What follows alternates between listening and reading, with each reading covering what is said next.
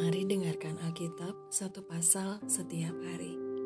Galatia 4 Tak ada lagi perhambaan.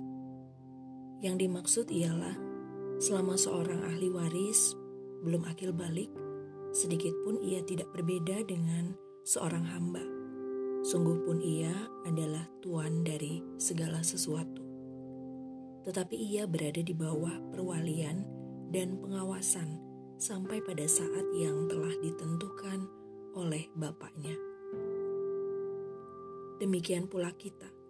Selama kita belum akil balik, kita takluk juga kepada roh-roh dunia. Tetapi setelah genap waktunya, maka Allah mengutus anaknya yang lahir dari seorang perempuan dan takluk kepada hukum Taurat. Ia diutus untuk menebus mereka yang takluk kepada hukum Taurat, supaya kita diterima menjadi anak. Dan karena kamu adalah anak, maka Allah telah menyuruh roh anaknya ke dalam hati kita yang berseru, Ya Aba, Ya Bapa. Jadi kamu bukan lagi hamba, melainkan anak. Jikalau kamu anak, maka kamu juga adalah ahli-ahli waris oleh Allah. Dahulu, ketika kamu tidak mengenal Allah, kamu memperhambakan diri kepada Allah-Allah yang pada hakikatnya bukan Allah. Tetapi sekarang, sesudah kamu mengenal Allah, atau lebih baik, sesudah kamu dikenal Allah, bagaimanakah kamu berbalik lagi kepada roh-roh dunia yang lemah dan miskin dan mau mulai memperhambakan diri lagi kepadanya? Kamu dengan teliti memelihara hari-hari tertentu, bulan-bulan, masa-masa yang tetap, dan tahun-tahun. Aku khawatir kalau-kalau susah payahku untuk kamu telah sia-sia. Ingatlah akan hubungan kita yang semula. Aku minta kepadamu, saudara-saudara, Jadilah sama seperti aku, sebab aku pun telah menjadi sama seperti kamu. Belum pernah ku alami sesuatu yang tidak baik daripadamu. Kamu tahu bahwa aku pertama kali telah memberitakan Injil kepadamu oleh karena aku sakit pada tubuhku. Sungguh pun demikian keadaan tubuhku itu yang merupakan pencobaan bagi kamu namun kamu tidak menganggapnya sebagai sesuatu yang hina dan yang menjijikkan. Tetapi kamu telah menyambut aku sama seperti menyambut seorang malaikat Allah. Malahan sama seperti menyambut Kristus Yesus sendiri. Betapa bahagianya kamu pada waktu itu. Dan sekarang, di manakah bahagiamu itu? Karena aku dapat bersaksi tentang kamu, bahwa jika mungkin kamu telah mencungkil matamu dan memberikannya kepadaku. Apakah dengan mengatakan kebenaran kepadamu, aku telah menjadi musuhmu? Mereka dengan giat berusaha untuk menarik kamu, tetapi tidak dengan tulus hati, karena mereka mau mengucilkan kamu supaya kamu dengan giat mengikuti mereka.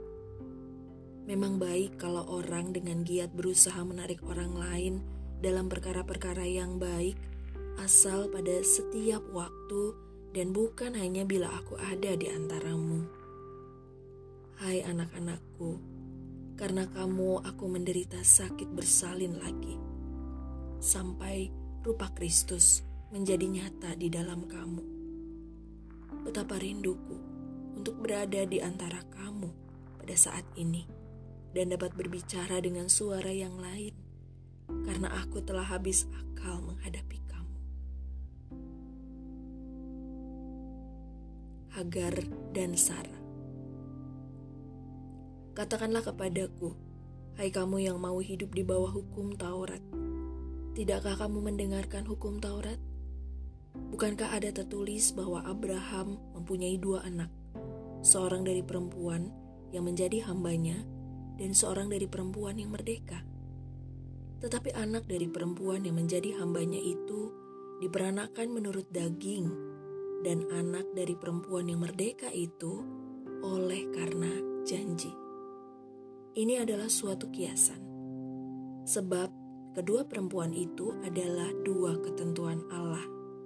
Yang satu berasal dari Gunung Sinai dan melahirkan anak-anak perhambaan. Itulah Hagar.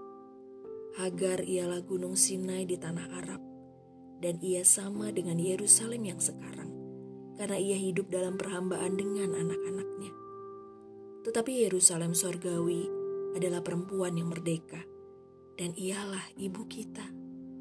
Karena ada tertulis, bersukacitalah hai si mandul yang tidak pernah melahirkan. Bergembiralah dan bersorak-sorailah hai engkau yang tidak pernah menderita sakit bersalin. Sebab yang ditinggalkan suaminya akan mempunyai lebih banyak anak daripada yang bersuami dan kamu saudara-saudara, kamu sama seperti Ishak adalah anak-anak janji. Tetapi seperti dahulu dia yang diperanakkan menurut daging, menganiaya yang diperanakkan menurut roh, demikian juga sekarang ini. Tetapi apa kata nas kitab suci? Usirlah hamba perempuan itu beserta anaknya, sebab anak hamba perempuan itu tidak akan mendapat ahli menjadi ahli waris bersama-sama dengan anak perempuan merdeka itu. Karena itu, saudara-saudara, kita bukanlah anak-anak hamba perempuan, melainkan anak-anak perempuan merdeka. Terima kasih sudah mendengarkan. Tuhan Yesus memberkati.